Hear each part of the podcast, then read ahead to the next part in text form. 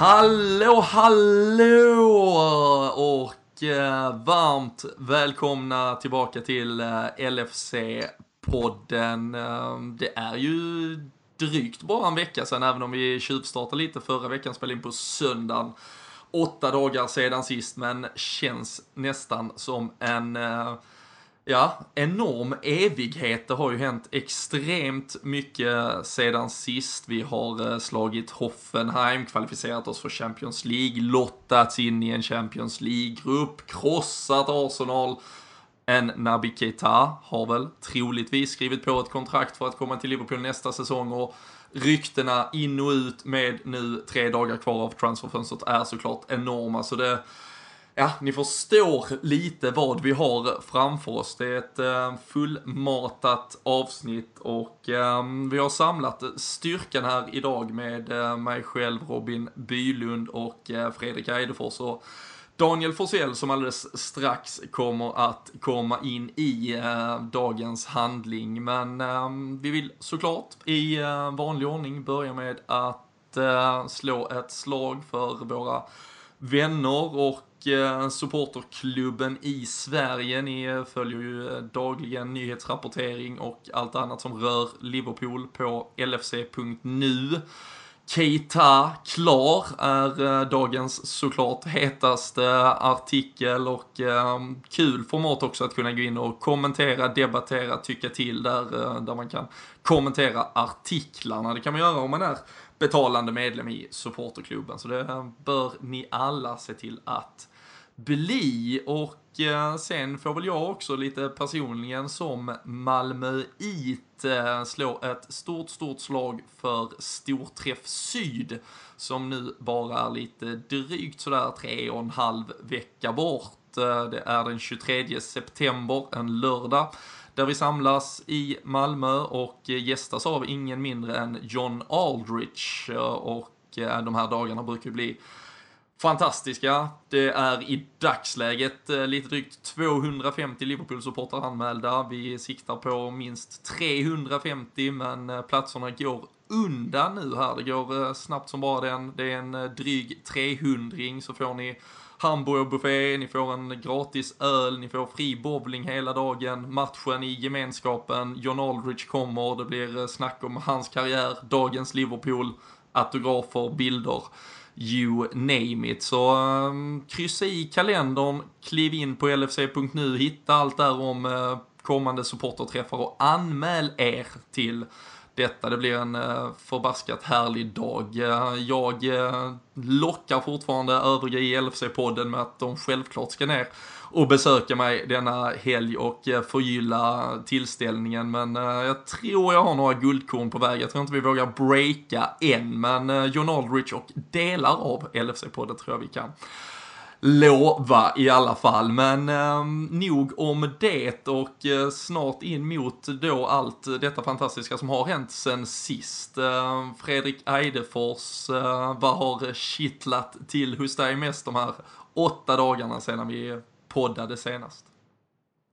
Ja, det är väl att eh, brorsan håller på Arsenal, jag håller på Liverpool och eh, vi har inte pratat sedan eh, några dagar tillbaka. Det kan, kan, kan ta ett jag, tag tills ni gör det. Jag förväntar mig inte ett sms under dagen eller under kvällen i alla fall. Så att, eh, nej, jag, jag flyger lite, eller jag svävar lite på molnen just nu känner jag. Det känns som det är mycket som går för vår del framåt, eh, vi som håller på Liverpool. Så det känns alldeles utmärkt.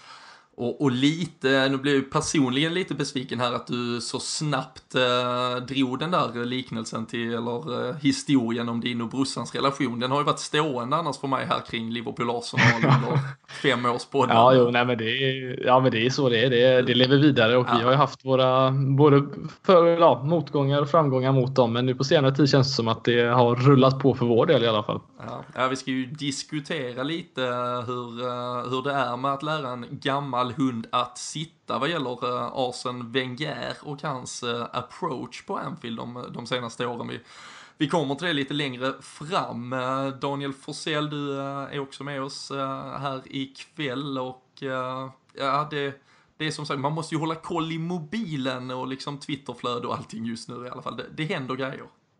Det gör det verkligen och idag har väl varit en av de eh, positivaste dagarna Liverpool-Twitter. Om man ska sammanfatta det så. brukar inte alltid vara det mest positiva flödet. Men idag har det ju varit eh, fantastiskt fint. Eh, både sen, sen gårdagen såklart, men även med lite nyheter som kommit under dagen. Så att det är absolut, man vill inte gärna missa någonting här sista veckan av transferfönstret framförallt då. Mm. Och jag tänkte faktiskt, jag vet, jag har skummat igenom, vi har fått grymt mycket frågor här eh, på, på Twitter just idag också. Man märker att eh, många med rött hjärta har varit, eh, varit inne i de sociala kanalerna av, av såklart väldigt goda anledningar. Men ni kan ju börja klura. Jag tänkte att vi skulle ta det lite längre fram nu när det verkligen är, det hettar ju till här på ja, transfermarknaden åtminstone att Silly som verkligen tar ett, en sista spurt Um, och just vilka konton man ska följa, vad man vågar lita på och sådär. Jag vet att vi har haft det uppe lite för diskussion tidigare, men jag tänkte att vi kunde ta ett par konton lite senare i avsnittet där vi var vi själva hämtar vår eh, något sånär trovärdig information i alla fall. Vi, vi har ju ett par journalister, men ni kanske även har lite andra konton ni, ni, ni gärna lyssnar till, så det kan vi ju börja ruva lite på den. Men jag tänkte att vi börjar i änden som trots allt är och eh, innebar Champions League-fotboll. Eh, Hoffenheim-matchen, ett dubbelmöte som avslutades förra veckan. Och en, eh, en Liverpool-offensiv som återigen var det som såklart blev tungan på vågen. Finns det något kort att säga om, om den match, Fredrik, som efter ungefär 21 minuter var, var avgjord? Det blev, det blev aldrig kanske så nervöst som man var rädd att det skulle bli. Nej, precis. Och det, jag tror Klopp han hade, han hade en plan. Nagelsmann hade en plan, men den planen var inte särskilt bra kan man väl säga. Så att det, det gick förvånansvärt enkelt och eh, jag skulle säga att redan efter 2-0 var det ganska, ganska över för att man kände på det här att de inte skulle lyckas komma med så mycket när Liverpool har den speeden de har framåt. Så att, eh, eh, det man tar med sig egentligen det är väl bara att vi är fantastiska när vi, när vi väl går framåt och eh, mittfältet och anfallet fungerar alldeles utmärkt tillsammans och eh, även försvaret med lite utropstecken som vi kommer prata om också. Så att det känns som att det, man tar med sig rätt mycket positivt därifrån men eh, den var över ganska snabbt den matchen kan vi i alla fall konstatera. Och om någon har missat det så konstaterar ju eh, Bojan Djordjic ett par gånger i studion och eh, i kommentatorshytten att Nagelsman Nagelsmann där då med sina 30 år, 23 juli, en bra fest hade han tydligen, har Bojan också kommenterat vidare i Twitterkanaler därefter, men det, det, var väl också lite den, tyvärr lite så här eleven mot någon läromästare i form av Nagelsmann Klopp där, lite, lite naiv approach kanske att ställa ett lag så högt på Anfield när man bör kanske veta vad vi är bra på. Vi ska ju diskutera detsamma när vi pratar Arsenal strax.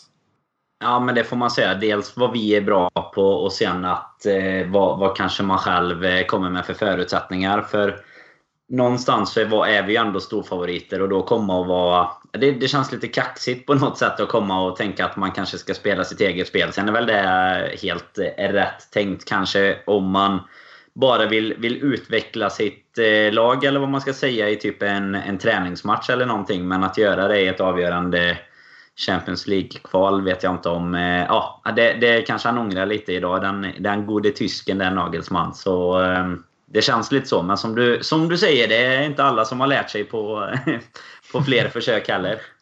Nej, Eh, men som sagt, eh, 180 minuters eh, kvalfotboll då som vi inte, vi går faktiskt inte djupare i detalj kring, kring matchen som, som helhet är den som avslutades då i förra veckan. Men dagen efter så följdes ju, ja kanske nästan en än mer nervös tillställning när gruppspelet då till huvudturneringen skulle lottas. Eh, vägen mot finalen i Kiev är, eh, är ju nu eh, uppkrattad, inledd. Det var en Francesco Totti, en Andrei Shevchenko som drog de varma bollarna som Uefa så gärna blandar ner i de där skålarna och ehm, ja, som sagt, om det var avgjort ganska tidigt Fredrik där i matchen som tog oss till gruppspelet så var det desto nervösare sekunder när det konstaterades att vi antingen skulle hamna i gruppen med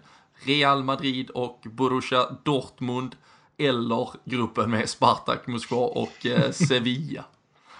Ja, jag vet inte riktigt. Det, det, det tar som, som, du säger, det tar nästan mer på krafterna att kolla en lottning i ett sånt här fall än vad det gör att kolla Champions League-match när det liksom gäller så mycket. Men det, det är som du säger att det, det är sjukt vad det kan vända, vilka små marginaler framför allt. Och det, det kunde faktiskt inte ha fått en bättre lottning om jag ska vara helt ärlig. Det, det är det absolut bästa som kunde ha hänt oss och framförallt då man läser hur folk eh, vill ha de här stora lagen bara för att sätta dit dem. Men det är, jag tar hellre en eh, gå vidare från gruppspelet alla dagar i veckan än att vinna en match mot Barcelona eller liknande i, i gruppspelet. Så att, eh, det känns som att vi hade gudarna på, på vår sida när, när lottningen gjordes i alla fall. Och, ja, det, det är bara att tacka och ta emot faktiskt.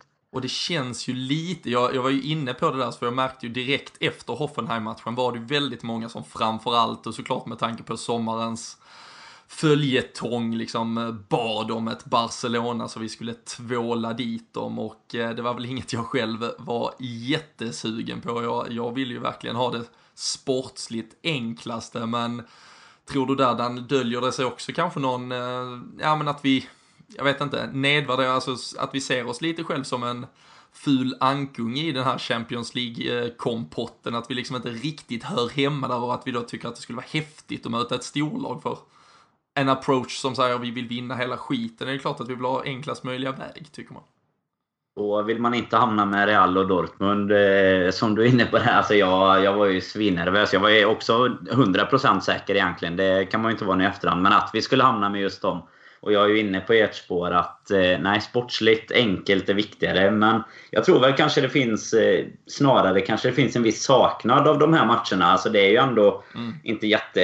Alltså lite som du är inne på om det är det här... Jag tror kanske inte att folk, man tyck, inte att, tycker att vi hör hemma där, men just det här att man... Fan vad länge sedan man liksom mötte... Nu mötte vi i och för sig just Real då, men med kanske den sämsta startelvan. Och då blev det ju 0-3 på Anfield liksom. Ja, och så, och så när vi åkte dit så spelade vi med liksom Borini, Markovic och, och Gerard satt på bänken och sådär. Det, det var liksom ingen, inte ens ett försök den matchen. Jag kan meddela att och... från övre tribun på Santiago Bernabéu fick man även se Javier Manquillo spela högerbacksfotboll mot Cristiano Ronaldo.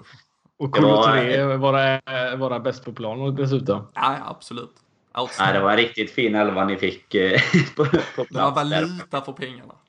Men var det inte lite så att man satt ändå, man, man har ändå förväntat sig ett stort lag? För det är väldigt sällan, om man inte heter Manchester United, att man går igenom en lottning sådär och inte får liksom svårt motstånd på något sätt. Jag, jag, jag satt ju och liksom hoppades på Barca bara för att det var det sämsta av de bästa laget vi nästan kunde få just nu vid tillfället känns det som. Men eh, det var ju snarare det man satt och tänkte på. Att ju, nu det, kommer jag, bara något lag här snart. Jag tror ju, jag ska väl låta det vara osagt om det var nytt inför detta året. Kanske att det var förra året de ändrade, men det är ju att de åtta bästa rankade ligorna har ju mm. fått att ligavinnaren per automatik blir sidade som etta. Det vill säga att därför finns det ju då ett Barcelona i sidningsgrupp 2 denna gången till exempel för att då ett Spartak Moskva och ett Benfica ska in i sidningsgrupp 1 för att ligorna då har sina rangordningar. Eh, jag vet Anne, du, du eh, sög ju i dig informationen som eh, fördelades från, från uh, herrarna borta vid lottningen.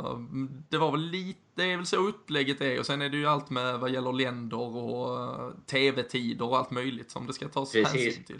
Det, det, är ju framförallt det sistnämnda där jag tycker är lite speciellt. Det är ju land, man kan ju inte hamna med, med ett från samma land. Det är ju som det egentligen alltid har varit förutom när vi kom in efter, efter segern där när reglerna gjordes om lite 2005 då. Men eh, däremot nu då så är det ju även tv-tider så att det gör att nu, nu vågar jag inte säga precis hur, men eh, att du, du kan liksom... Du får dela upp dem i två olika för att det ska kunna sändas i så bra mån som möjligt, får man väl säga, från, eh, från de olika länderna. Då.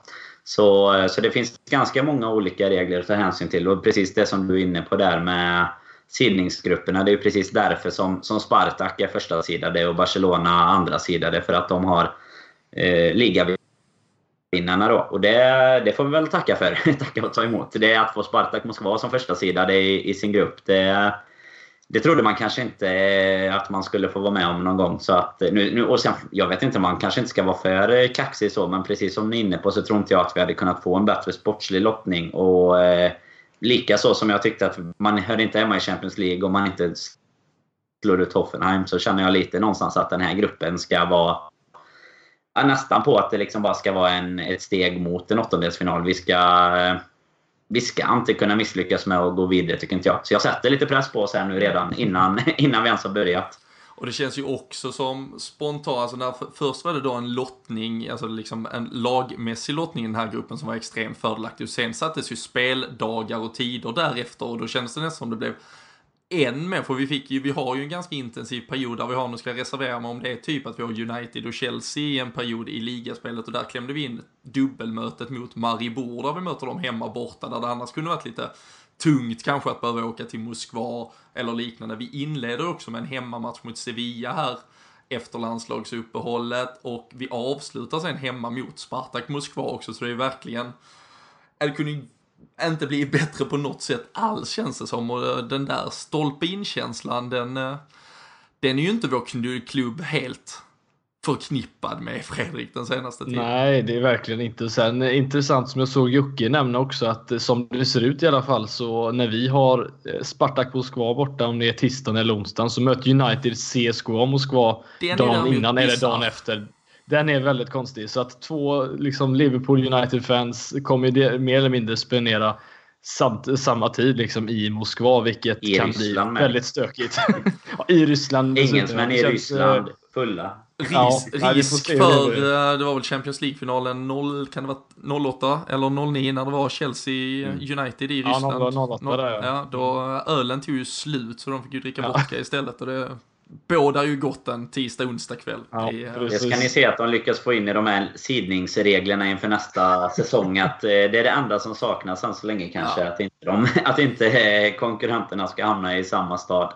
Det är ju, det är ju faktiskt ganska bisarrt när de eh, gör det. De har ju något system som ska liksom göra det så smidigt och lugnt som möjligt. Så att det känns väl som en liten miss faktiskt när det är just, just Liverpool United med. Det är inte det är inte the friendly derby. Nej, inte, inte riktigt. Men, eh, men med de orden eh, och eh, vi, vi lutar väl oss mot Dannes profetia om att ett avancemang bör såklart ligga, ligga i händerna här på Liverpool och att det är åtminstone vad som förväntas av laget och så får vi ju såklart snacka upp närmare när eh, nu matcherna närmar sig med tiden här. Men eh, bästa möjliga utgångsläge tror jag vi alla kan eh, konstatera. Och eh, vi, eh, vi tar väl oss därför också vidare mot, mot det som då istället Eh, var helgens absoluta höjdpunkt. Eh, matchen som Fredrik Eidefors har nämnt, eh, det som slutar i stor seger på Anfield, 4-0 mot Arsenal. Poddens eh, Kalle Sundqvist var, var på plats och eh, insöp eh, en atmosfär som han eh, rapporterar om var, var bättre än vad det kanske har varit på ett tag. En liksom ny ny tro på saker och ting återigen eh, efter en ganska luttrig eh, start på säsongen tror jag.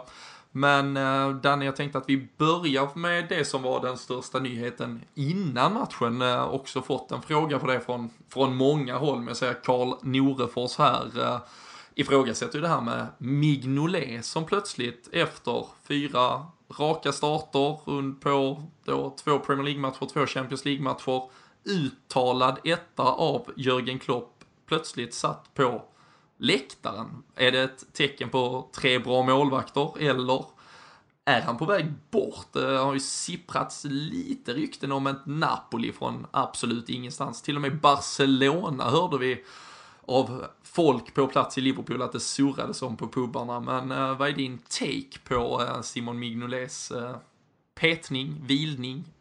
Klopp kommenterade efteråt. Ja, vi brukar ju ha svar på mycket alltså, men här tror jag att eh, vi alla har svårt att svara på eh, vad som egentligen rör sig eh, i, eh, i huvudet på Kärre Klopp. Inte, eller kanske inte bara hela situationen egentligen då, men om det nu är som utgångsläget är ju att, det är, att han ska vila. Liksom. Det är ju det som Klopp själv säger. Det är ju, det är ju den officiella ståndpunkten. Och det känns ju bara... Det, det förstår jag inte i så fall. Sen, sen gick det ju bra ändå så sett. Men jag, jag förstår liksom inte... Eh, han, han var ju lite ute och pratade om att målvakter framförallt har liksom tufft att spela så många matcher. Men jag brukar tycka att det verkar vara tvärtom. Man brukar ju rotera på andra ställen i, i laget. Men inför en stormatch hemma mot Arsenal så känns det inte som att man petar sin givna första målvakt om det inte finns en, en anledning. Och än mer givetvis rykten efter att han sitter på läktaren och inte ens sitter på bänken. Så ja, den har jag svårt att svara på, men eh, det, det känns väl... Den, och framförallt man... det jag tycker, alltså just om, alltså jag förstår, hade han varit petad, fine, alltså där får vi ju tycka olika, men då, då som vi säger, då hade han ju gått till bänkplats, bör man väl förvänta sig. Mm. Vilas han med tanke på att också är ett landslagsuppehåll nu så hade han ju haft all chans i världen. Det är, I och för sig, det skulle ju annars ja, var nobelt av honom att han vill vara på Anfield, se matcher, men annars är det ju ett landslagsuppehåll. Han hade haft möjlighet att åka hem till familjen till exempel om han nu skulle verkligen få vila och koppla bort allting om han skulle vilja det så sätt liksom. Men um, Fredrik... Ja, han är ändå andra målvakt för Belgien ändå. Så att han kommer ju inte ja, spela för Courtois. Ja, precis. Så att det är jättekonstigt att han eh, som sagt sitter återigen. Ja, jag kan förstå att han är där just för att följa laget i en stor match och så vidare. Men att han inte ens är på bänken. Jag vet att Klopp har pratat, han sa efter matchen, visserligen inte innan, att ja, men vi har tre stycken bra målvakter. Visst, vi har en Danny Ward som fått spela eh, liksom på försäsongen och så vidare, även i de stora matcherna. Men det känns bara så konstigt att, eh, att, att just Mignolet ska liksom vara, sitta på läktaren. För att jag tror inte att Danny Ward kommer få en chans den här säsongen. Eh, Karius förstår jag om han vill spela för att se, liksom, gambla lite på något sätt. Att ja, men vi vill se vad han kan gå för. Men det gör man ju inte mot Arsenal i en sån här match. Det gör man ju i ligacupen mot något sämre motstånd. Inte i en sån här stor viktig match. Så det, jag förstår inte heller riktigt hur tanken går. Och att han dessutom nu går ut och säger efteråt när han är 100% vår etta. Det finns ingen chans att någon annan ska gå före honom typ. Så det känns bara väldigt, ja, ingen, ingen logik bakom det hela. Det, det var ju nästan det som gjorde mig mest förvånad att han gick ut efter matchen och sa att Mignolet, Mignolet är vår etta. Det är inget snack sådär för att det är ju klart att man har ju någonstans misstänkt eller vetat från start när Kario köptes in att då var han ju en ersättare eller tilltänkt ersättare till Mignolet. Och det är klart att då kanske det, han såg en chans här att ja, han har presterat på träningar, vi, vi ger han chansen. Och jobba upp en konkurrenssituation. Men, eh, men att sedan gå ut och liksom ändå befästa att nej, nej, han, Mignolet har bara vilat. Det är inga, inga konstigheter. Då, då känns det väldigt mystiskt. Liksom. Det är svårt att svara på hur man eh, resonerar i det läget. För som du är inne på där Eidefors, denna matchen av, av alla. Liksom, det känns inte som att det är riktigt rätt läge att börja experimentera där bak. För det, jag menar, det påverkar ju mycket kring backlinje och det här med vem, vem man spelar med och kontinuiteten där bak såklart. Och det var ju inte för Loris Karius trygga fötter som han eh, byttes in åtminstone. Vi, äh, vi, ska, vi ska komma till det. Vi, vi, vi har ju samlat på oss lite, lite sådär rykten från, från Liverpool där på Kalle som befann sig på plats. Han sa ju det, det som surrades mest på pubbarna efteråt, det var ju, eller även inför matchen, det är ju en, en Loris Karius som är väldigt ifrågasatt på Merseyside och vi, vi har väl fört den diskussionen nästan tillräckligt eh, här. Eh, samtidigt såklart håller han en nolla, men också mot ett Arsenal som, som vi, vi säkert kommer att komma in på inte presterade särskilt mycket att skrämmas för. Eh, jag tycker också vi, man kan ta med en egentligen väsentlig fråga. Fredrik Nordström nämner det här med, med Danny Ward också nu. Nu preciserar han det till varför vi inte har lånat ut honom till Rafa i Newcastle. Han går på den Liverpool-länken såklart, men Danny Ward är väl också för bra egentligen Danne, som, att, för att sitta av en hel säsong som tredje målvakt. Så liksom, vill man börja vara konspiratorisk så, så finns det ju en målvakt att sälja i Liverpool egentligen. Det gör det absolut. Han, eh, det, det, känns som att du kommer inte så långt heller på att vara tredje målvakt. Då är du väldigt långt ifrån en, en plats på, på planen bland de elva. Det, det känns ju som att det skulle kunna vara något sånt, att det är därför vi har behållit honom. Eh, kan ju också vara att de inte känner att de får tillräckligt bra erbjudanden. För det känns som att han måste ändå ligga på en ganska hög nivå. Typ bottenlag Premier League eller, eller topplag Championship för att få kanske rätt utveckling och skjuts i sin karriär mot att kunna på sikt bli en första andra målvakt i Liverpool med tror jag. Så att det, det, känns inte som att det är någon idé att låna ut honom liksom till League One eller så. Nu finns det säkert klubbar kanske utanför England också som skulle kunna vara aktuella. Men eh, absolut, det finns ju... Vill man, vill man vara lite konspiratorisk också så är det ju absolut så att vi har ju tre ändå bra målvakter och, och absolut kan sälja en av dem. Och då, då känns det ju lite konstigt när det uppstår en sån här situation. Mm. Sen vet jag inte alls vad ryktena... Det är ju som du sa, vi, vi läste både Napoli och Barcelona och, och Kalle hörde ju en del på plats också. Men eh, det känns inte... Det har inte kommit någon liksom uppföljning på det direkt efteråt här känns det inte som. Nej, det har, det har varit eh, tyst. Men eh, som sagt, vi ska ju bedöma mycket, mycket potentiella transfers för, för kommande vecka, Fredrik. Eh, vad, vad ger vi procentsats sådär, 50-50 eller vad man nu vill väga över sin eh, våg på att Simon Mignolet stannar i Liverpool 1 september? Nej, han stannar. Det är... 100-0 där. Eh, ja, jag är dålig på det med hur de räknar ut odds, men han stannar definitivt. Mm. Danne, öppnar, öppnar du någon dörr för Simon Mignolet? Nej, alltså det är om han och Coutinho typ har blivit bästa kompisar och det ligger som någon sorts eh, övergångsklausul med eh, att, Liv, att, Liverpool, Barcelona. Att, att, Liverpool kräver att de tar Mignolet om de ska få Coutinho. Ja, men han är ju en sjukt... Det måste man hylla med Mignolet. Jag älskar hans sån här inställning eh, mm. utanför... Eh, alltså han lägger ju upp på typ Twitter och sånt. Bara 'Come on you red man' och så här. Eh, när han, bild från läktaren liksom. Så det kanske är det Barcelona är ute efter. De behöver en tredje målvakt som eh, lägger upp fint på sociala medier. Då ja. tror jag det finns en procent chans. Annars ja, är jag också... faktiskt, la han upp något nu från Arsenal-matchen också? Ja, ja, det gjorde han. Han gjorde ja. Han brukar göra det. Ja, men det är bra. Innan eh, såg jag någon från läktaren så då var det typ Det var något sånt Come on you Reds eller Come on Redman eller någonting. Ja, han är, han är nästan är lika stabil på de sociala medierna som du är utomlandsbilen när du är iväg och reser. Det är nästan samma stabilitet på, eller lika konsekvent i, i, upp, ja, i leveransen. Ja, men det, Fan, då är, då är det hög kvalitet. Då är det, hög kvalitet. Då är det bra. Ja, ja, men då, då ger jag, jag, jag får ändå, jag, jag, öppnar ändå dörren för någonting här. Det, vi måste ju ha en silly vecka som, som har liksom potential att bli något utöver det vanliga. Så en, ja, en... 80-20 ja. på att han stannar.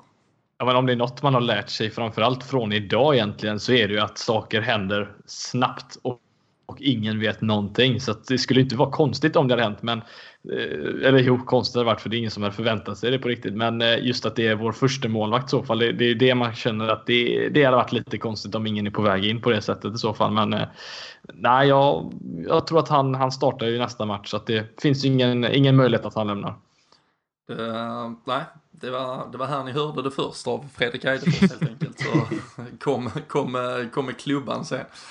Men eh, det blev Loris Karius istället då, om vi fokuserar på den här Arsenal-matchen. Det blev eh, en backlinje där den faktiskt behölls i stort sett intakt från, eh, från Hoffenheim-matchen. Det var en del rykten kring Alberto Moreno och Andy Robertson hade gjort det bra mot Crystal Palace. Nu blev han pappa på natten eller tidig morgon, eh, morgon där innan matchen och, och räknades ju såklart bort på grund av det. Och eh, Trent Alexander-Arnold hade en, en lårkaka, hade lite känningar från Hoffenheim-matchen, ersattes av Joe Gomez och annars ett ganska intakt lag. Och uh, hur, uh, vad var det för ett Liverpool vi fick se här och återigen prestera fyra mål framåt, Fredrik? Eh, det var ett Liverpool som, eh, ni får gärna säga om ni har något annan match ni tänker på, men det bästa Liverpool jag har sett på väldigt, väldigt, väldigt länge. Det var liksom den perfekta matchen defensivt, offensivt, tempomässigt, eh, snygga mål. Eh, alltså det fanns allting fanns med i den här matchen och eh, så att jag har svårt att komma på en match där jag kände att där jag kände mig liksom så stolt som jag var på något sätt att kolla Liverpool att man njöt verkligen hela tiden. Det fanns ingenting som liksom fick en på dåligt humör utan allting var eh, liksom solstrålar, glada miner överallt. Så att eh, nej, jag kunde inte ha sett en bättre match. Jag ser Liverpool prestera en bättre match. Det var verkligen perfekt rakt igenom. Det har ju varit, eh, eh, såklart har det ju varit ett försvar som har, som har väckts en del frågetecken kring. Men det har också varit ett mittfält, Danne, som har kanske beskyllts lite för att sakna kreativiteten. Det har varit Wijnaldum, Henderson, Chan som har varit första valen eh, centralt där på en trea i, i avsaknad av en Filip Coutinho. De eh, gör väl eh, enligt många, jag tror du själv skriver under på det också, en, en fantastisk, vi kommer ju prata om liksom slutoffensiven, men hur viktigt var det att vi fick ett mittfält som verkligen tickade på här? Jag tänkte precis på det faktiskt, att eh, säga det att det är ju givetvis är det de tre där fram som, som fokus hamnar på, men jag tycker att det är mittfältet som gör matchen egentligen. För det är det som är den stora skillnaden mot de andra matcherna vi inte kanske har presterat lika bra tycker jag. Att vi får en väl fungerande trio som eh, både funkar offensivt och defensivt.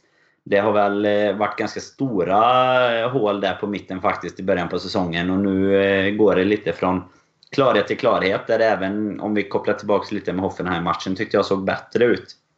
Och i, igår såg det ju helt fantastiskt ut och framförallt då tycker jag Wijnaldum och Chan gör eh, jag vet inte om de knappt har gjort bättre matcher i, i tröjan och Henderson är också bra men de, jag tycker de lyser lite framför honom igår. Och, eh, nej, som sagt, jag tror nog att det är minst lika viktigt för farliga framåt. Det kommer vi vara, det vet vi liksom. Men det, det bakom det måste också fungera om, eh, om det ska kunna bli mycket fina insatser likt Anna egentligen då. Ett, eh, ett par Arsenal-mittfältare, Fredrik, som drömmer lite mardrömmar kring Gini Wijnaldums slagningar. Ja, alltså som, som fotbollsälskare, alltså, så om man ser det rent objektivt på detta nu så eh, alltså man är som Liverpool-fan är man ju fantastiskt glad liksom över detta, men hur kan en, en manager som har spenderat, liksom, när, när gick han till Arsenal? 96, 98 någonstans där. Han har han liksom studerat fotboll så många år och han placerar ut Ramsey och Xhaka på mittfältet, ensamma på mittfältet mot de två framförallt som vi får säga då, Wijnaldum och Chan som är så löpstarka, så villiga att gå framåt. Alltså det är ju, det är ju självmord redan innan matchen ens börjar. Så man kan inte, man tackar ju ta emot som Liverpool-fan såklart. Men man kan inte förstå hur, hur en så rutinerad eh, tränare kan ställa upp med ett så bedrövligt mittfält. Eh, ja, jag vet inte. Men eh, nej, det var bara att tacka och ta emot för det var öppen gata i eh, mer eller mindre under hela matchen. Framförallt i första halvlek. Mm vi hade ju, och, alltså vi kan ju, vi hade ju den här ja, smått legendariska 5 1-segern eh, säsongen 13-14 förra året mot Arsenal. Ni får rätta mig om jag Blev det 3-0 eller blev det 3-1 i hemmamötet? 3-1 va, tror jag. 3-1 tror jag det blev. De fick, jo, Denny Welbeck fick nog in ett kanske mm. va. Um, och nu då 4-0 eh, här. Um, det är liksom tre av fyra senaste säsongerna så har det blivit 3, 4, 5 mål. Uh, du, Arsene Wenger som sagt 20 år plus i, i en och samma klubb, Danne, och så komma med den här approachen, eh, trebackslinjen, sätta upp sina wingbacks, öppna ytorna. Är det, hur, hur, kan det bli så? Alltså, man kan ju, det är mycket kan vi ju sitta och vara liksom, man försöker vara förstå sig påare här hemma, men jag tror inte ens, ja men någon som har sett två Liverpool-matcher typ, hade formerat ett försvar på det sättet? Nej, det går ju knappt svara på hur han, hur han funderar. För dels är det ju hela fotbollen som Klopp står för och verkligen vill eh, få in i Liverpool. Vi har de spelarna som, som vi har där ute nu, Salah och Mané, som eh, inte borde kunnat undkomma någon att, att det går ganska fort där ute. Och att dessutom då fortsätta på samma sätt när det redan efter några minuter bara, man såg ju att det var det var nästan gata och framförallt var det ju Mané som hade, hade rätt skoj på sin kant där och, och att inte dans blev en reaktion då tyckte jag var konstigt. Alltså efter 10-15 minuter. Alltså vi, nu måste vi snurra på någonting här. Men eh, nej, det, är väl, det var jätte, jättepositivt för oss så sett. För det är det här som verkligen bevisar varför vi är så jäkla... Alltså varför vi kan vara så bra mot de bra lagen. Men kanske har det tufft mot de som backar hem och och köttar igen. För man märker ju hur, hur duktiga vi är när vi har lite ytor att jobba på egentligen. Och de, eh, nej, de sprang ju sönder det där försvaret eh, utan och innan. Men det som jag tycker är intressant är just att den här matchen är verkligen på något sätt ändå en rak motsats till det vi just fick se i förra hemmamötet där i den 3-1 matchen. För där pressade vi, vi stressade sönder Arsenal till misstag. Nu satte Klopp tillbaka laget för att ett 3-1, alltså en trebackslinje. Han vet ju att de kommer vilja spela ut oss på våran planhalva. De har tre, tre stycken som står egentligen och väntar på att eh, bli kontrade på egentligen. Och det, alltså det var verkligen den perfekta planen av Klopp dessutom att sätta upp det på det sättet för att det fanns absolut ingen anledning att springa sönder oss och försvara på det sättet utan det var bara att vinna boll och sen upp till Firmino och sen kunde han ju bara fördela de bollarna och att dessutom då har eh, Wijnaldum och Emre Can som tar de löpningarna. Emre Can sprang ju... Ja, jag måste ju... Han ryktas som att han fortfarande springer. Han springer fortfarande, precis. Eh, så att, att ha fyra, fem spelare som bara rent av bara rusar emot den som trebackslinje, det måste ju vara fruktansvärt jobbigt och dessutom då Mané och Salah som kanske är de två snabbaste spelarna i Premier League. Det, det, det, var, det var bra gjort av Klopp rent taktiskt måste vi säga också. Lärt sig lite av att du behöver inte bara springa och pressa utan du kan vinna boll på egen planhalva och kontra därefter på ett annat sätt också. Så att, eh, tummen upp för honom får jag säga. Och det man spontant känner att man hade varit rädd för i ett Arsenal eh, med, den, ja, med det sätt vårt försvar har sett ut. Det var ju en eh, Lacazette och, och eventuellt till och med en Giroud men de sattes på bänken istället och Alexis Sanchez på enormt spelhumör var återigen tillbaka i, i Arsenal istället. Ja, alltså det, det, är någonting med att de mot oss just, det känns som att vi får ner dem, alltså vi, vi får dem ur balans. Eh, ja, det känns som att vi, vi vet vad, vilka punkter vi ska trycka på för att få ner dem liksom eh, ur, ur tempo och alltihop och det syntes ju verkligen att det var inte många i det laget eh, som, som var på, i toppform och det hörde man dessutom Arsenal-fans Arsenal-fansen efter matchen som sjunger “You're not fit to wear the shirt” och det är liksom det var inte, jag tror inte det var en enda spelare som kom upp i, i bra nivå och det var ju inte bara på grund av att de var dåliga utan det var för att vi var jäkligt, jäkligt bra den här matchen. Mm. Det är typ bara Peter Käck som kommer undan med ett godkänt ur Arsenal. Då säger det ändå ganska ja, mycket. ja, verkligen. Men var, varje målvakt som ställs mot Mohamed Salah kommer ju rädda tre frilägen, men de kommer ändå släppa in två mot honom i stort sett. Ja, men det måste vi nästan prata om. Alltså, han, vad kunde han legat på nu? 7-8 mål under säsongen redan? Han är, offside, han är offside tio gånger minst varje match. Man blir ju frustrerad, men så vet man liksom ja. att han har ju ett mål i sig, eller två. Ja, liksom. och fri alltså, det... från halva är han ju två gånger varje match. Liksom. Ja, ja. slö för dålig första touch eller någonting. Men så. Ja, men typ som den första, som där han kunde gjort 1-0 jättetidigt när han fick passen från Chan. Ja, det ska bara upp i ja, nättaket. Liksom. Ja, precis. Han sätter den liksom mitt, i mitten av målet nästan tillbaka mot check där han kommer ifrån. Och det är liksom det enda stället du kanske inte ska sätta den på. Men man vet ändå så att ja, men det kommer komma ett mål om, om man fortsätter så. Och det är ju det som är... Ja, det är helt fantastiskt med en sån spelare. Där jag kan känna att Mané kanske har lite extra kvaliteter som det målet han gör. Alltså han... Men det känns som han också har tagit ett extra steg denna säsongen faktiskt ja. vad gäller det kliniska. Alltså det är ju två mål både mot, alltså igen, eller ja, alla, alla tre mål, men framförallt om man tar Watford i premiären när han vänder in, böjer upp den, den gången högt, denna gången lågt. Det är ju Arjen Robben-esk nivå på på avsluten fast från fel kant så att säga. Det är ju... Alltså hade Salah haft dem igår så hade han gjort fyra mål tror jag, eller någonting. Han hade ju något friläge med han kommer och viker det upp på nästan liknande sätt som, som man är men som Check också tar. Så ja. det, är ju, det finns ju att Ett jobba med. Ett friläge i premiären från nästan halva plan hade han ju också. Ja, ja. Vi kan ju vinna med, vi vinner med 10-0 mot Arsenal nästa gång de kommer till Anfield om vi bara tränar lite. Men det intressanta som vi måste ändå liksom på något sätt nämna som jag tror att lite har kommit, jag vet inte, det kanske inte har kommit eh, lite i skymundan sådär. Är det Sadio alltså, Manés sparring i anfallet som leder till mål? Ja, nej, jag tänker nej. mest på att vi, liksom, vi har gjort tre mål mot Watford. Det var ju Mané, Salah och Firmino som gör dem. Vi har ett mål mot Crystal Palace. Det är Mané som gör dem. Och vi har, vi har de här fyra målen och det är Mané, Firmino och Salah som gör det och så Sturridge och ytterligare. Jag sa ju innan säsongen började att jag, jag definitivt kan se alla de här tre plus Coutinho räknar jag faktiskt in då ha en ja, 12 15 plus mål liksom och, och det ser ju verkligen ut som att det kan bli tre spelare på över 12-13 mål, vilket är sjukt imponerande om det kan hända. Så att, och Firmino framförallt då som vi kanske kommer prata om snart med, som är inblandade mer eller mindre varenda mål vi gör. Så att det är helt sex fantastiskt. Sex av de sex senaste va? Ja, precis. Ja. Just att han är inblandad och står för så mycket. Det är, det är fantastiskt att se just att inte bara en spelare vi litar oss på utan tre, fyra stycken som gör ett riktigt, riktigt bra jobb. Och det, det är kul att se. Vi vill nästan ge oss själva lite fjäder i hatten där. För förra säsongen var vi jäkligt mycket inne på att när han hela tiden kom ut på en, en kant, eh, att han försvann liksom ur spelet. Nästan mm. så fort han kom ut på en kant att man eh, tappade två positioner. Och nu märker man ju verkligen hur mycket han har växt in i den där rollen centralt. Alltså.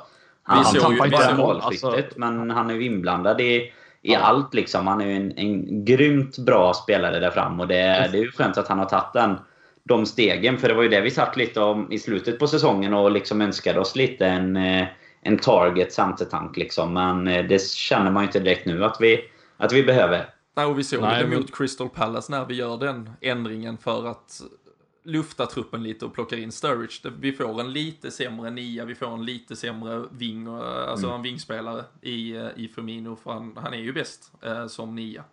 Så nej, verkligen. Vi, vi hade faktiskt på, på, på ämnet fått en fråga från Ludvig Strömvall här just hur många mål gör MFS. De har alltså redan fått ett sånt här BBC-smeknamn här, men vad tror ni eh, om vi skulle sätta en siffra på dem eh, vardera, den där fronttrean? Danne, eh, vad, vad ger du Mané, Salah och Firmino för ligamålstotal när vi summerar? Om de håller sig skadefria, något sånär och gör en 35 matcher ungefär.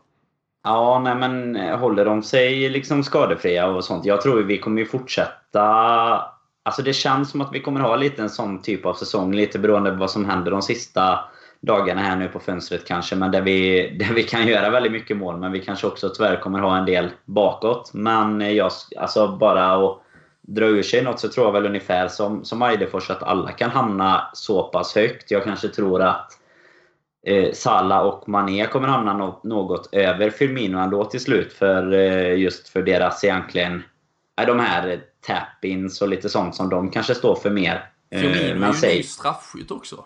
Ja, mm. sant i och för sig. Och jag tror att vi har absolut en trupp som kan få en del straffar med sig. Om man tittar på till exempel sättet Mané rör sig i boxen. Så, det, alltså, han, är, han är väldigt straffkompatibel. Ja, verkligen. Alltså, han, eh, han är ju det dels för att han så här stannar upp och, och försöker rycka. Medan Salah är ju det tack vare typ den straffen vi fick mot Watford. Där han är, man, målvakten tror liksom att men jag kommer vara först här. Men så är han så jäkla snabb och bara petar undan bollen. Men och Salah hamnar på rund, Säg att... Eh, jag säger så här, Mané gör flest. Han gör, eh, han gör runt eh, 20. Och Salah gör 16 eh, och Firmino 12. Ja. Ungefär där. Vi, vi, landar i det tycker jag, i, i, med Daniel Forsell som fas. ja, det låter bra. 20, 16 och, och 12. Det, Nej, det vill jag inte riktigt med mig. Alltså, usch, hörde jag bara.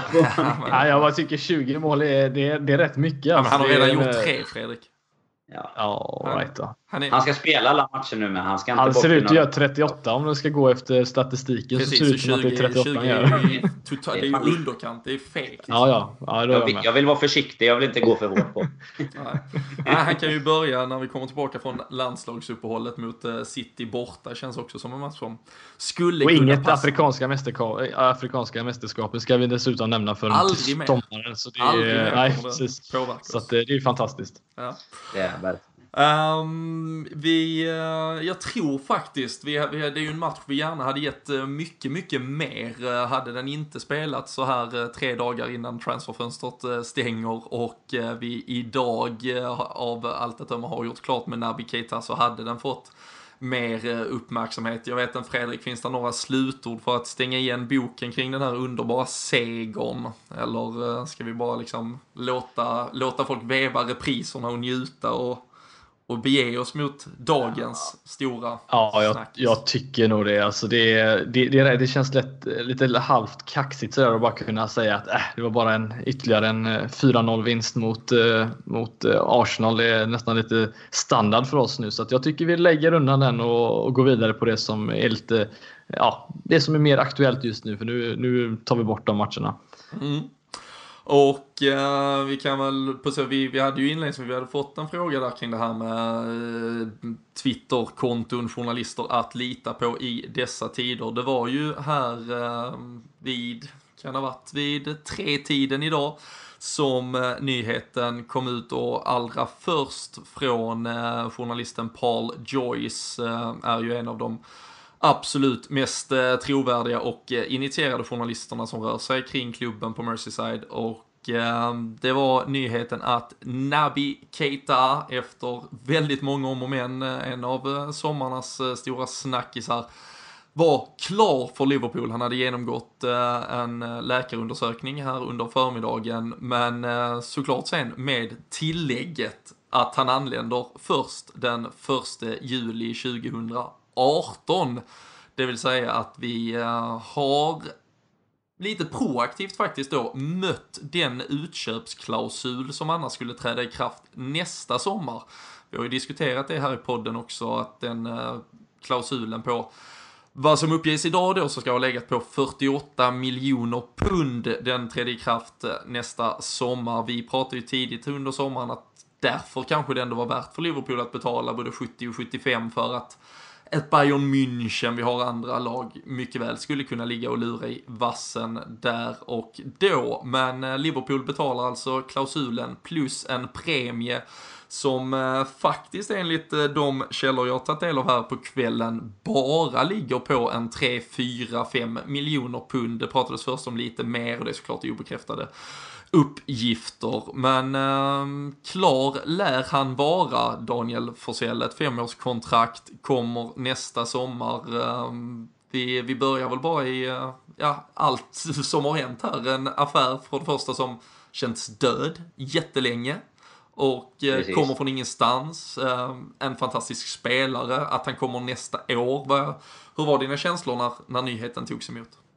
Framförallt är att jag trodde att han, jag trodde faktiskt att affären var helt död. Ja, det har man släppt känns det som nu. Det är mycket annat som har intensifierats eh, och nu ska liksom van Dijk bli klar eller inte. Och så helt plötsligt bara kändes det som så, så hade vi Keita klar istället. Och det, alltså jag tycker det är helt fantastiskt eh, just det här arbetet med att alltså många klagar ju på att ja, men det är ju ett år kvar och sådär. Men bara att kunna knyta den typen av spelare ett år innan, det tycker jag är magiskt bra jobbat alltså. För det känns som du gör med endast med spelare vars kontrakt håller på att gå ut eller liknande. Och precis som vi har nämnt här tidigare då så är det ju många klubbar som skulle stå i kö nästa sommar. Så att det är verkligen ett signalvärde att vi dels vet vad vi gör, men eh, också att vi... Kanske ett signalvärde till spelare, andra spelare som kan tänka sig att komma till klubben eller stanna som vi, som vi kommer in på sen också då, att vi eh, absolut går åt rätt håll. Och det är klart att med Champions League nu då i potten så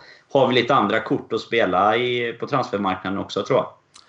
Det, det snackades ju lite här och det pratats eh, Fredrik efter Champions League-segern när vi hade slagit ut Hoffenheim, när vi hade gjort klart med kvalificeringen till Champions League. Så, så mm, pratar Jörgen Klopp lite om att ja, men vissa affärer kräver att man har Champions League. Nu var ju detta det som kom snabbast efter. Tror du att detta kan ha varit en affär som har hängt på någon form av Champions League-fotboll? Att den här klausulen Även om det då är ett år framåt, eh, eller tror du detta bara är ett arbete som har pågått bakom eh, kulisserna den senaste tiden? Ja, det, det är en bra fråga för att jag, jag tror eh, vi har väldigt mycket att göra med, eh, inte bara det här utan generellt sett eh, transfers överlag. Att, att det har att göra med Champions League, lite hur klubbens eh, liksom, ja, framtid ser ut och lite åt det hållet. Då. Eh, och jag tror framförallt att nu när det, har, att det gick så snabbt och att det var inte varken någon i Tyskland verkar det som heller av de här eh, diverse nyhetssidorna som hade plockat upp att detta ens var, var på G eller att det liksom var, var på liv på något sätt. Gör det dessutom ännu mer intressant att det verkar inte vara så att någon vet någonting när det kommer till detta och det är ju lite det som är så kul att det kommer bomber lite här och där. Eh, sen gör ju båda lagen i så sätt, eh, skulle jag säga, det bästa av situationen. Att de får iväg sin spelare eh, nästa år. De behöver, kan behålla honom just för Champions League-spel också, ska vi säga. Och så får de en halv miljard dessutom eh, på köpet, kan man väl också säga då. Eh, så att, eh, jag tror det har att göra rätt mycket med det och lite därför det kunde göras klart nu för att eh, då vet vi att vi är Champions League nästa säsong och det kunde definitivt vara någon form av de här premierna från eh, som det nämns då att han ska vara en del av Champions League nästa år också då. Mm. Och eh, det är ju ett, ett Leipzig som, som då faktiskt, får man väl ändå ge dem lite cred, stå, stå fast vid det de sa inför sommaren, att de kommer inte bryta, bryta sönder det här laget. Det, det är första gången de tar ut klubben i Champions League. Det var med en Keita, det var med en Emil Forsberg, en Timo Werner. De, de vill såklart ges chans. Det var, det var någon som eh, ställde frågan, jag har tyvärr inte det namnet där, vad tror ni om ett eh, Leipzig skulle vara utslagna ur Champions League eh, efter gruppspelet? Tror ni att Keita skulle kunna komma i januari då, redan? Tror ni sånt skulle vara aktuellt?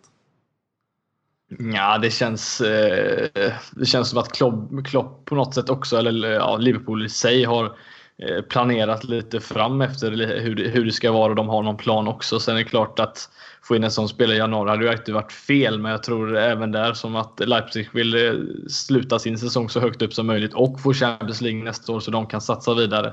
Så jag ser att det känns ganska omöjligt. Men egentligen, vad vet jag? Jag skrev bara någon timme innan att det kändes som att Keita var omöjlig på min Twitter-sida. Så att jag kanske inte är rätt person att yttra mig om detta ändå. Nej, vi hade ju... Ska vi inte följa Fredrik Eidefors på Nej, inte när, det, inte när det gäller sånt i alla fall. Det, det, är inte källan. Nej, vi såg också, jag lyssnade på uh, vår, vår vän Patrik Syk som har dykt upp här ibland. Han är ju stationerad i Silly Season-podden på Sportbladet annars eh, dagligen. Han konstaterade också i, i förmiddags att eh, nej, någon Naby Keita till Liverpool, det blir det inte i alla fall. Så ehm, nej, det, eh, det här var, det slog ner från från ingenstans. Vi, vi har såklart lite, lite följdfrågor på ämnet att diskutera med tanke på då spelare som eventuellt skulle kunna lämna Liverpool framöver. Vi, vi väntar ju också lite på detaljer. För det, det som ändå, om man går på den kommunikation som har kommit, och bekräftats en av flera av de väldigt välinformerade journalisterna, James Pierce med flera.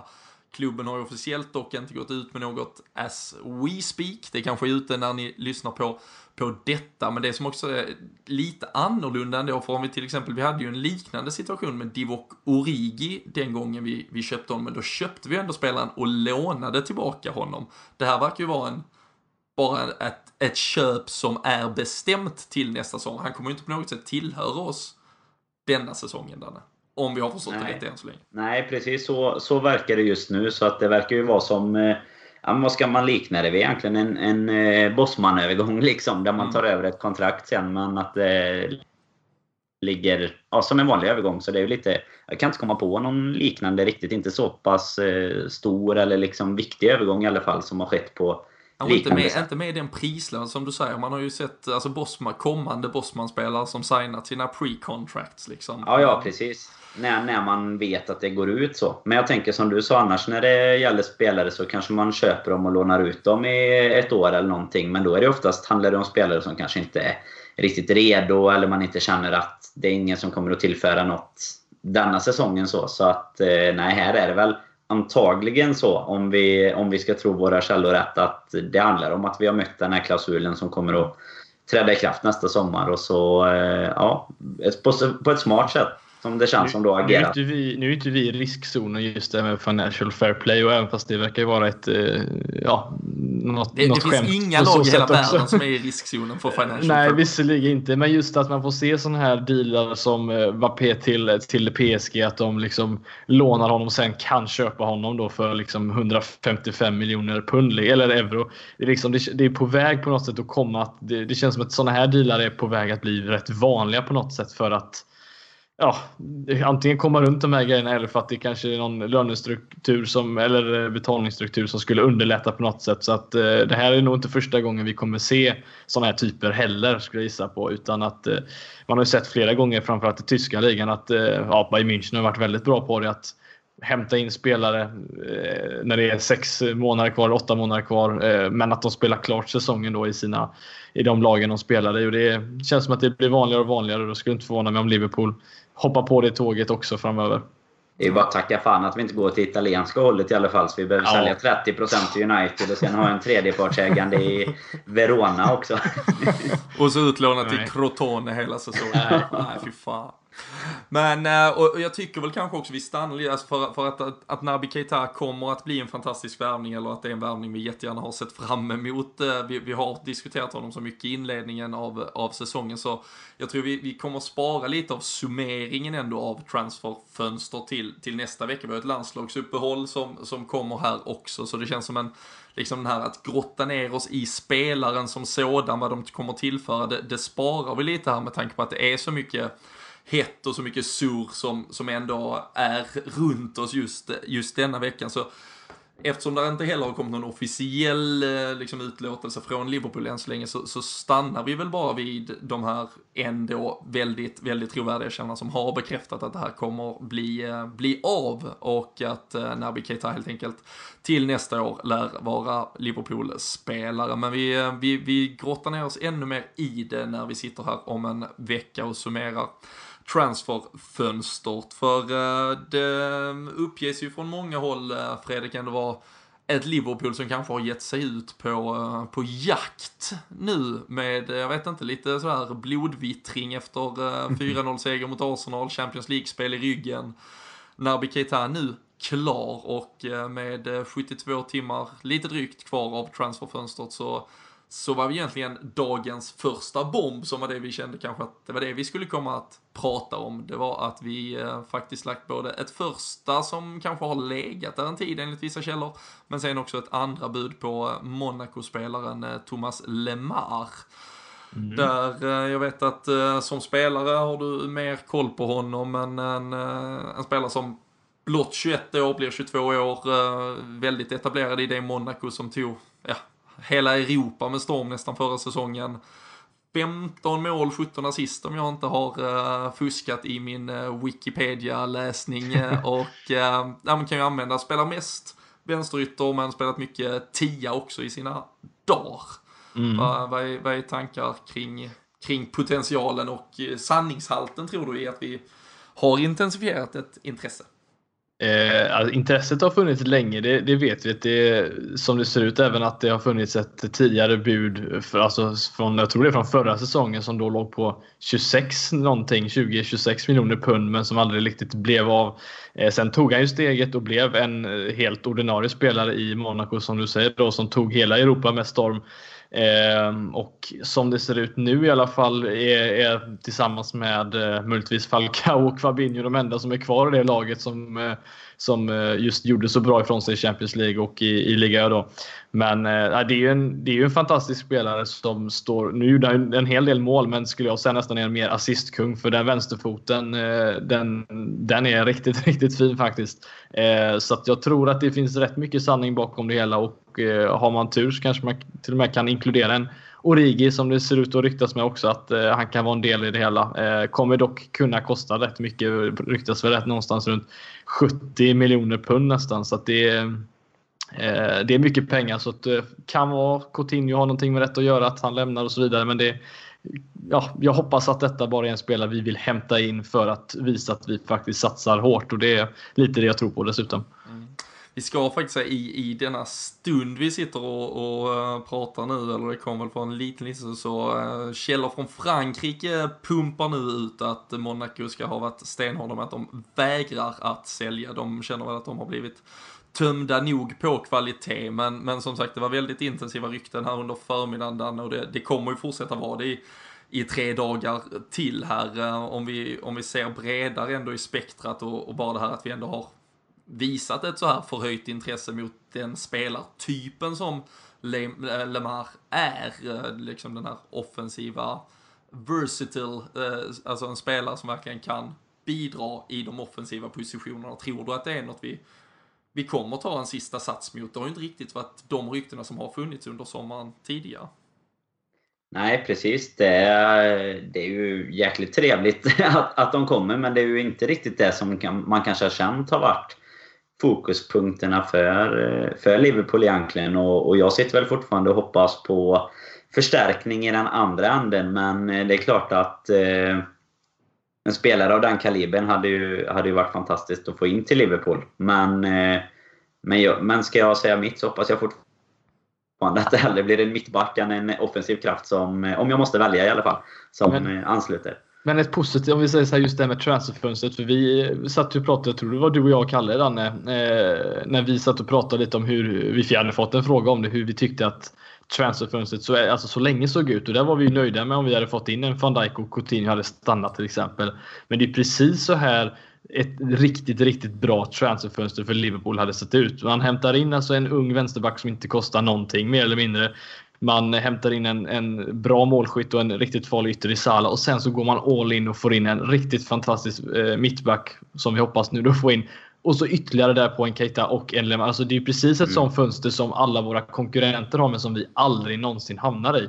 Och det är precis dit som vi känns som att vi ändå på någonstans är på väg att kunna liksom, inte bara förstärka eh, liksom, truppen i sig men även liksom, startelvan och konkurrensen där kring. Och det är precis det jag tycker vi ska göra rätt i och hoppas det finns mycket sanning i de här eh, ryktena som ligger där ute för att det är, det, det är enda vägen för oss att nå framåt och liksom komma ikapp de här andra lagen som eh, satsar stenhårt också.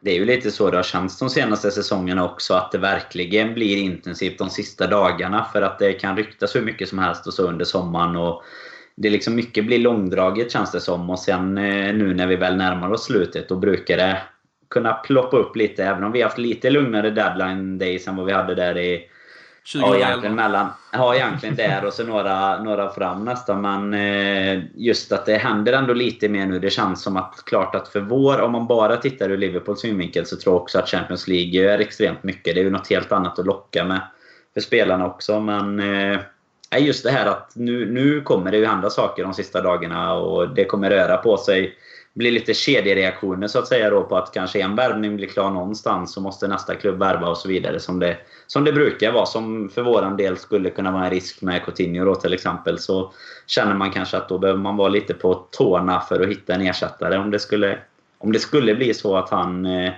hamnar med Mignolet i Barcelona. Ja, precis. Ska vi väldigt eh, kort, och vi har så många, vi, vi kommer dra över timmen, den eh, passerar vi nu märker jag. Vi, vi ska absolut inte be, besjäla er på, på någon konfekt här när det finns så mycket gott att prata om. Men vi, vi får såklart försöka att, eh, att summera vissa saker och, och kanske ibland då vara lite mer eh, kortfattade. Och vad, vad tror du Fredrik, om vi får in en till offensiv spelare, tror du att det direkt innebär en försäljning av Filip Coutinho till Barcelona? Han har ju idag begett sig till Brasilien. Han är ju inte skadad, vilket vi alla nog har vetat ganska länge. Utan han har ju vägrat att spela eller varit liksom bortplockad av eh, Jörgen Klopp och, och det är ju en relation som inte fungerar. Tror du att äh, det står och hänger på, äh, på en värvning här? Jag tror inte det. Jag tror Liverpool kommer stå starka i det här att de har FSG varit ute och sagt att de inte tänker sälja honom. Klopp eh, däremot har ju varit ute och sagt att han inte är den som eh, är, liksom, har det sista ordet, vilket är lite oroväckande så sett. Men jag tror faktiskt inte att de kommer sälja honom. Jag eh, tror att de kommer eh, hålla kvar vid honom och så får han göra som han gjorde vi gör med Keita, att han går nästa sommar och då har vi redan fått in vår ersättare. Så att, eh, jag tror Liverpool kommer gå ut som vinnare ur den här striden. Jag hoppas det i alla fall. Mm. Tror du Danica, om vi går tillbaka till Keita, tror du, är han, ska han kunna vara Filip Coutinhos ersättare till nästa år? Eh, där finns ju absolut en risk att han även skulle kunna vara snarare kanske Emre Cans ersättare. Absolut, det är väl det framförallt det sistnämnda med Chan där som man har varit, alltså just, det är väl egentligen bara för att Chans kontrakt givetvis håller på att, att gå ut tills dess. Så att man lite har känt att vi har säkrat upp. Och det, jag hoppas väl inte att han blir något av det eh, faktiskt. Jag hoppas Fredrik har rätt kring Coutinho. Jag hoppas att vi ger Chan vad han eh, behöver för att, att stanna på Merseyside. För jag tror att vi har... Det finns liksom sparkapital i den kroppen som han visade upp framförallt igår. Och men som bara kan bli bättre. Och det är ju bredden som vi efterfrågar hela tiden givetvis. Så att det jag hoppas väl att det inte stämmer, men det kan ju givetvis mycket väl vara så att han, han värvas in som någon sorts ersättare till, till någon av dem. Och Emre Can, eh, för de som då har missat hans kontrakt, som sagt, går ut nästa sommar. Ryktet som, eh, som då har intensifierats, vilket det alltid gör med bra fotbollsspelare vars kontrakt håller på att löpa ut, det är ju att Juventus nu lurar uh, här bakom hörnet. Uh, Gazzetta dello Sport uh, som väl av de som följer med italiensk fotboll tycker att det är en ganska ja, eh, det, varierande kvalitet på sanningshalten där alla gånger. Men eh, de uppger ju att eh, Juventus då ska ha ett stort intresse, ska ha liksom gett ett erbjudande om att han kan komma gratis, om vi kort vid, vid ett sånt scenario Fredrik, om liksom Emre Can vill löpa ut sitt kontrakt och sen lämna, är, är Emre Can på nivån att vi ändå liksom ska utnyttja honom till max hela denna säsongen eller är det en spelare där vi också skulle behöva sätta hårt mot hårt med tanke på en, en tysk VM-trupp som ska tas ut och att han såklart måste, måste ha en fin säsong i Liverpool troligtvis för att få följa med till Ryssland nästa sommar? Ja, alltså man, man, ser, man tycker inte att Chan verkar vara en... Eh, han verkar ju vara en väldigt lojal kille och det visst, det sa vi om Coutinho med. Men jag tror att eh, han, han verkar ju ha ett bra samarbete med Klopp. Så att jag hoppas verkligen att det har bara att göra med det som vi har pratat om tidigare. Att eh, få all, strukturen på hans lön kanske inte han har varit nöjd med eller han och hans agent har haft problem med. Alltså just att vi bara får det att lösa det. För jag tror inte han vill lämna Liverpool. Och Juventus känns som ett väldigt konstigt byte på något sätt. Inte, det blir ju bättre för honom såklart men känns som att han skulle, i så fall skulle gå till något, någon annan liga eller inte, kanske just i Italien. Det, jag tycker bara det känns är ju om han spelar tillsammans med Sami Khedira kommer ingen veta vem som är vem och förstå någonting på innermittfältet. Nej, eller så är det han som är ersättaren till honom möjligtvis. Ja, det är väl, eh, Ja, så att, eh, jag tycker det känns konstigt. Jag hoppas verkligen att han skriver på för att eh, han har visat Visst, det är bara två matcher, men han har visat under de två matcherna just vad Liverpool saknar in på mittfältet ibland. Och det är just den här fysiken han har eh, och den power och styrkan alltihop. Ja, att, eh, att kunna gå framåt. Det, som kom in i straffområdet ja, mot Precis, och så kan han skjuta och han, kan, han är stark i, bland nickduellen alltihop. Så det är precis den spelaren vi behöver. Jag hoppas att han stannar och att han skriver på. Då ser jag nästan hellre att Coutinho lämnar, för det vet vi att det kommer hända förr eller senare oavsett. Så att, eh, hellre att Chan skriver på nu då i så fall. Um, en spelare som, som också var i farten igår uh, och uh, inte heller verkar särskilt uh, intresserad av att vara just i farten, Alex Oxlade Chamberlain, som nu uppges ha då vägrat en kontraktsförlängning med Arsenal. Han har ett kontrakt som går ut nästa sommar och Uppges i, idag här under kvällen också att Chelsea nu har fått ett bud på lite drygt 35 miljoner pund. Det är ju den verkligheten vi lever i för en medelmåttig fotbollsspelare vars kontrakt går ut om ett, om ett år, eh, åtminstone när man har ett engelskt pass. Eh, här uppges ju också Liverpool ha ett intresse med eh, det som sägs är väl då framförallt om den här Lemar-affären faller, att man är beredd att matcha Chelseas prislapp. Danne, var vad tycker vi om uh, en sån eh, backup-lösning? Vad skulle den betyda? Vad, vad, skulle det ge laget om, om det är den vägen vi väljer att gå till slut? Ja, men en, en trevlig breddspelare, men inte eh, något som vi kommer att... Liksom, tror inte jag bygga något mycket vidare kring. Utan jag skulle tro att det är... Jag tycker han kommer in och breddar laget, men jag ser inte att han skulle ha en bättre en bättre utveckling hos oss än hos Arsenal heller så för hans del. Sen är det klart att han kanske vill byta miljö eller få en nytändning men eh, jag ser inte att han liksom hade gått in och varit, varit given på något sätt bara för att han kommer till Liverpool. Sen vet jag inte om, om han kommer vara i Chelsea heller om man tänker för hans del då men eh, det är ingen som jag kommer att och gråta över eller ligga sömnlös över om inte vi lyckas signa. Men hade absolut välkomnat det. Det som vi har sagt innan, pengarna struntar jag mer eller mindre i nu. Det är bara om spelaren kommer eller inte så att säga. Då. Men inte liksom, det är inte på nivå med andra spelare som vi ryktas med. Så, så tycker väl inte, inte jag i alla fall.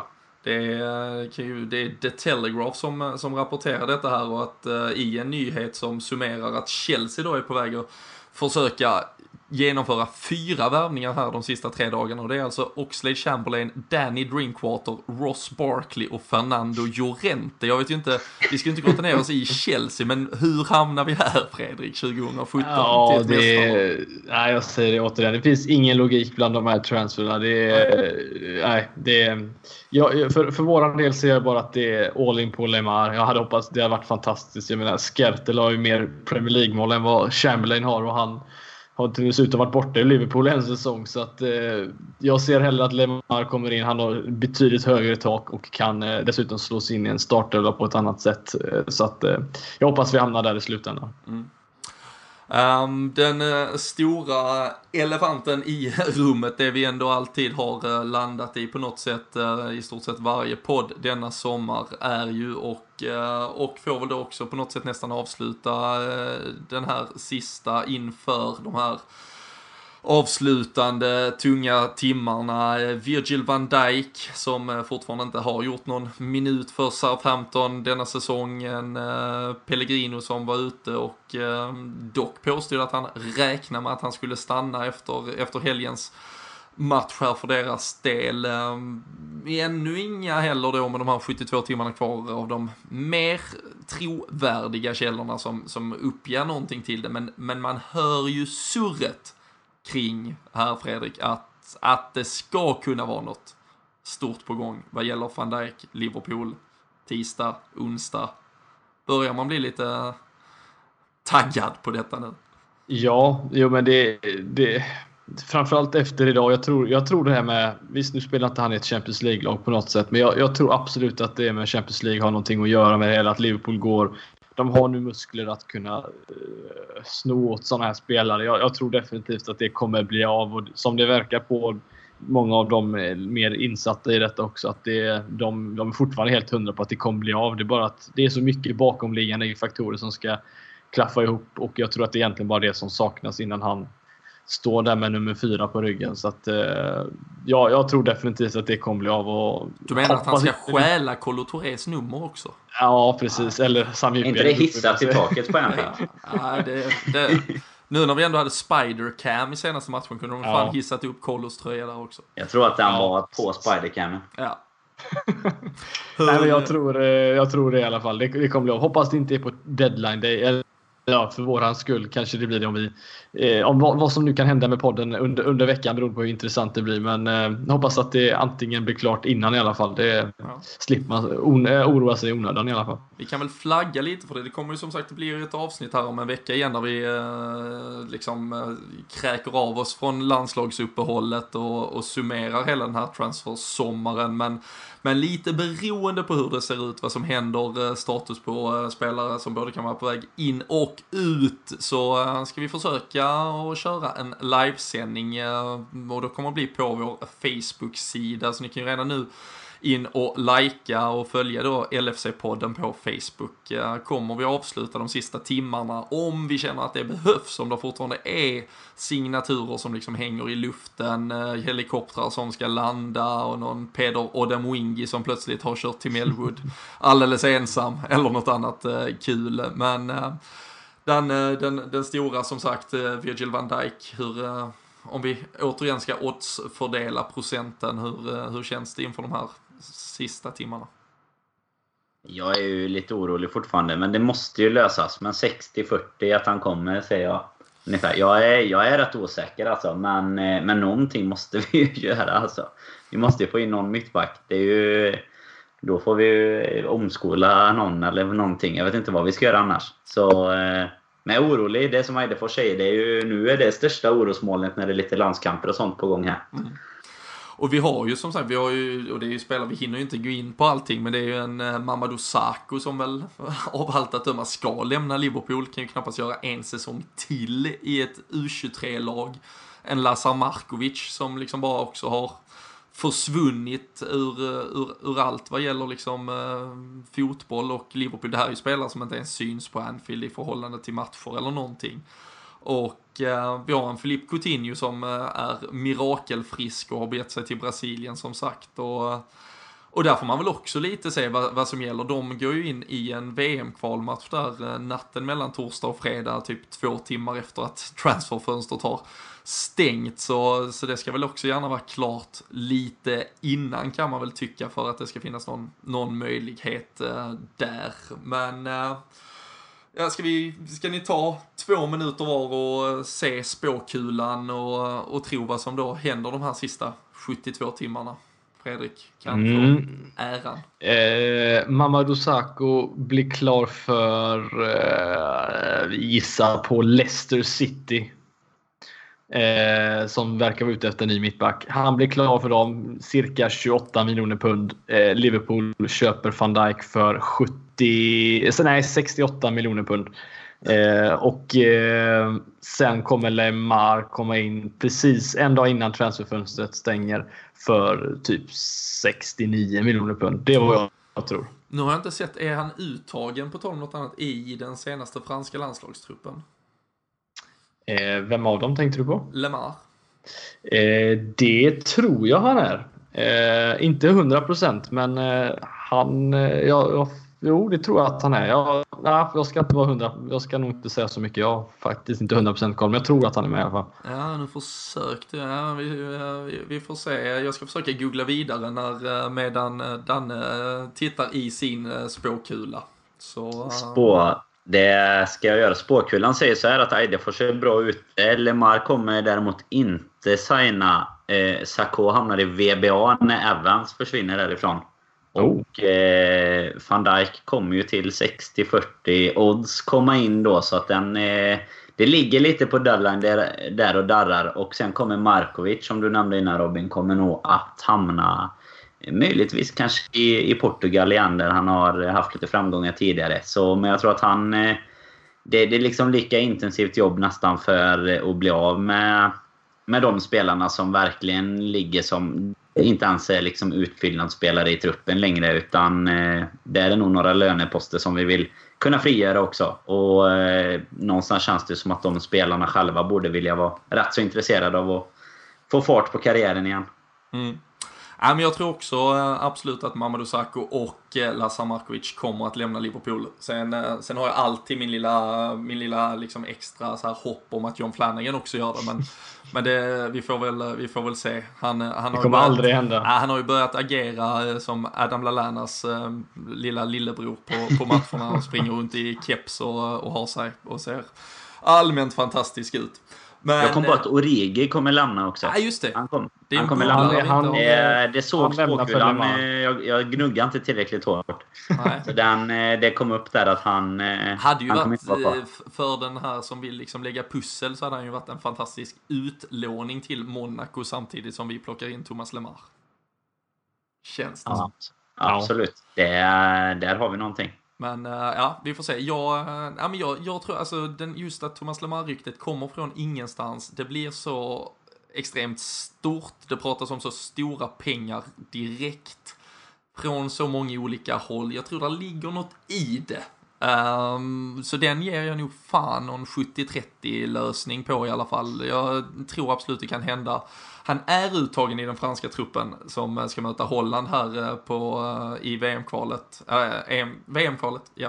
Och äh, där har ju dock Deschamps varit stenhård med att spelare får inte liksom lämna anläggningen eller truppen för att äh, slutföra affärer och sådär. Men man kan såklart skicka, skicka folk till äh, diverse anläggningar för att göra medicinska undersökningar och så, och så vidare. Men det här landslagsuppehållet gör ju verkligen att det blir riktig sån här eh, helikopteravslutning eh, på silly season. Det, den utomstående jublar ju såklart åt spektaklet, det är, det är ju förbannat spännande, men eh, ganska tufft för den mentala hälsan och, eh, och sen tror jag väl att eh, Virgil van Dijk kommer. Jag tycker då att eh, det, det har sipprat fram nu mer och mer och jag tror att den där Champions League-biljetten är det avgörande.